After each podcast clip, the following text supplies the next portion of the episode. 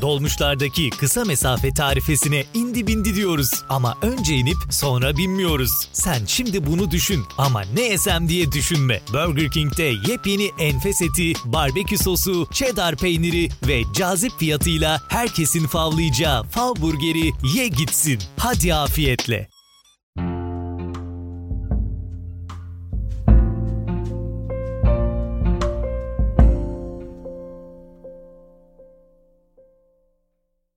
Bir nevi biyografi dinleyicileri e, merhabalar. Edebiyat, sinema, spor ve düşünce dünyasına mensup figürlerin yaşamını ve eserlerini incelemeye devam ediyoruz. Yayınlarımızda sıradan biyografi yayını yapmak yerine bu figürlerin bilinmeyenlerini de ele almayı sürdürüyoruz. Yalnızca yaşam ve eserlerini değil, tarih sahnesinde üstlendikleri rolleri araştırıp sizlerle paylaşmak temel amacımız. Bu bölümde çok partili demokrasiye geçiş dönemine şahitlik eden ve e, devamında Türkiye'de gazetecilik yapmış bir ismi ele alacağız. Metin Toker'i konuşacağız. Meslek yaşamında 14 yıl boyunca yayınladığı Akis dergisi de e, 1900'lü yılların ikinci yarısına e, ışık tutan bir dergiydi. Özellikle cesur yayınlar olması bakımından ve e, dönemin iktidarının karşısında dik durabilmesi açısından tarihe ışık tutmuş, gerçekten e, o dönemki olayları bizzat cesurca yayınladığı için önemli bir yayındır. Metin Toker'i anlatıp Akis dergisinden bahsetmemek olmaz elbette. Eğitim hayatından başlayıp vefatına kadar ele aldığımız Metin Toker biyografisine geçiyor ve iyi dinlemeler diliyorum. Müzik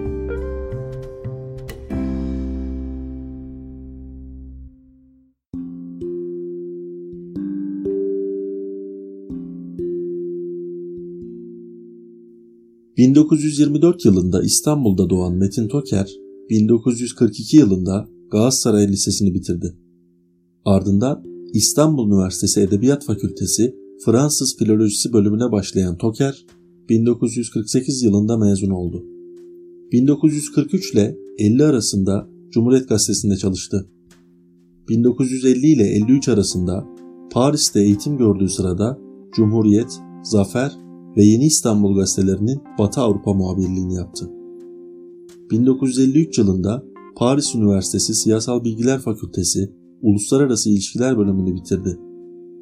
Önceleri sıkı bir İsmet Paşa muhalifiyken ve Paşa hakkında sert yazılar kaleme aldığı sırada Zafer Gazetesi'nde yazarlık yaparken birdenbire muhalefete geçti. Türkiye'ye döndüğü sıralar 1954 yılında Akis dergisini yayınlamaya başladı. Akis Yayınları adıyla bir de yayın evi kuran Toker, Ankara Gazeteciler Cemiyeti Başkanlığı yaptı. 1955'te İsmet İnönü'nün kızı Özden Toker'le evlendi.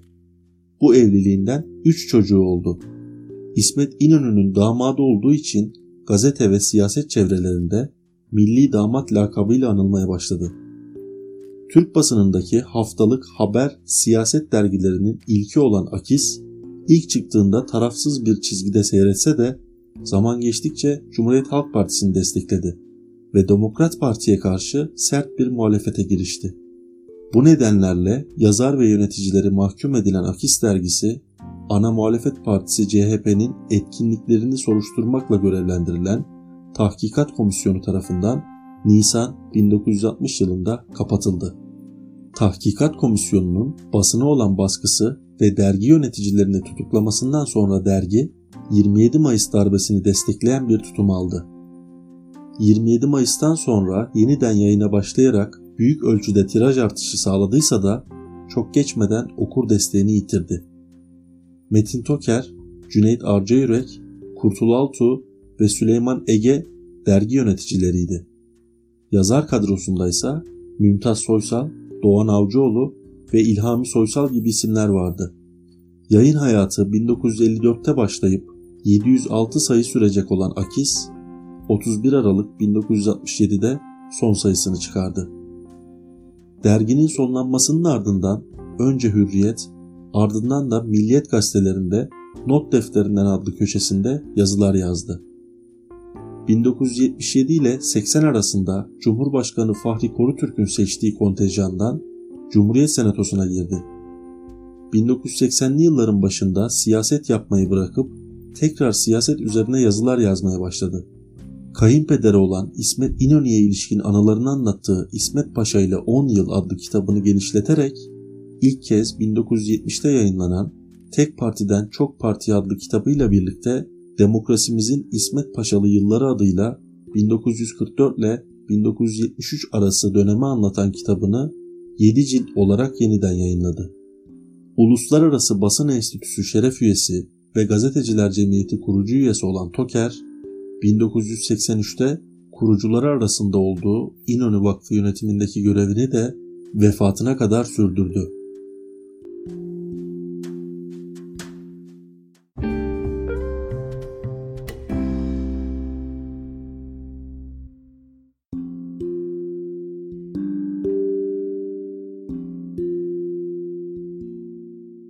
Vefatından bir ay evvel kızı Gülsün Toker Bilgehan'ın babası için yazdığı yazının bir bölümü şöyle. 59 yıllık meslek hayatında ilk defa bugün Metin Toker gazetedeki yazısını yazamadı. Onun vefalı, sevgili okuyucuları çok iyi bilirler ki yıllar boyunca hiçbir hastalık, yurt içi ve yurt dışı gezisi, doğum, ölüm, hatta hapishanede bulunmak bile Metin Toker'in daktilosunun başına geçmesini engelleyemedi. Dün okuduğunuz makalesini bana bir hastane odasında kolunda serum, burnunda oksijen tüpüyle yazdırdı. Son iki aydır daktilosunun tuşlarına vuracak gücü kalmamıştı.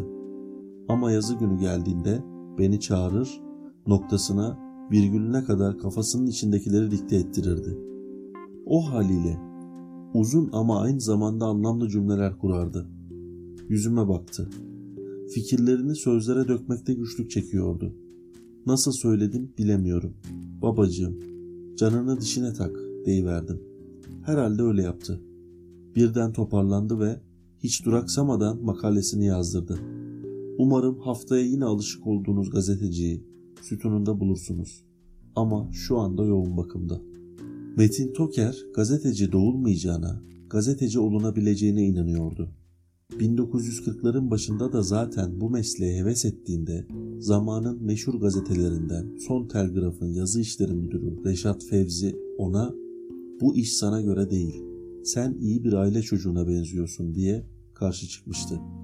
Galatasaray Lisesi'ni birincilikle bitirmiş ve tıp fakültesinde okuyordu. Ama o gazeteci olmak istiyordu ve oldu.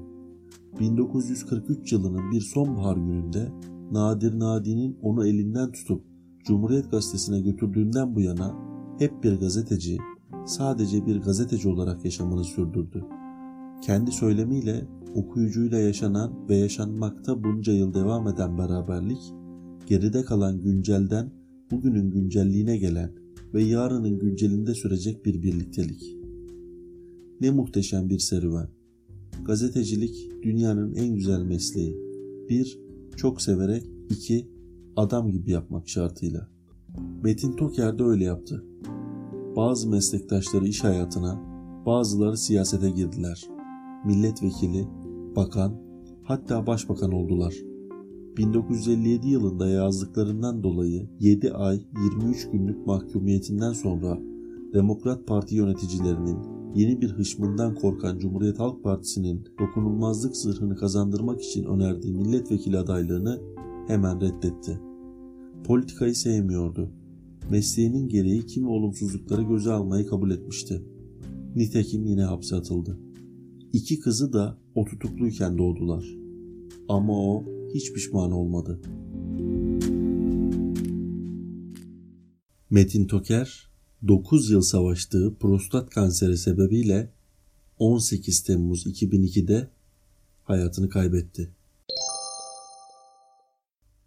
Tarihte bugün 24 Mayıs 1979 tarihinde %85 yerli malzeme ile üretilen ilk yerli uçak Mavi Uçuş yaptığı deneme uçuşunu başarıyla tamamladı.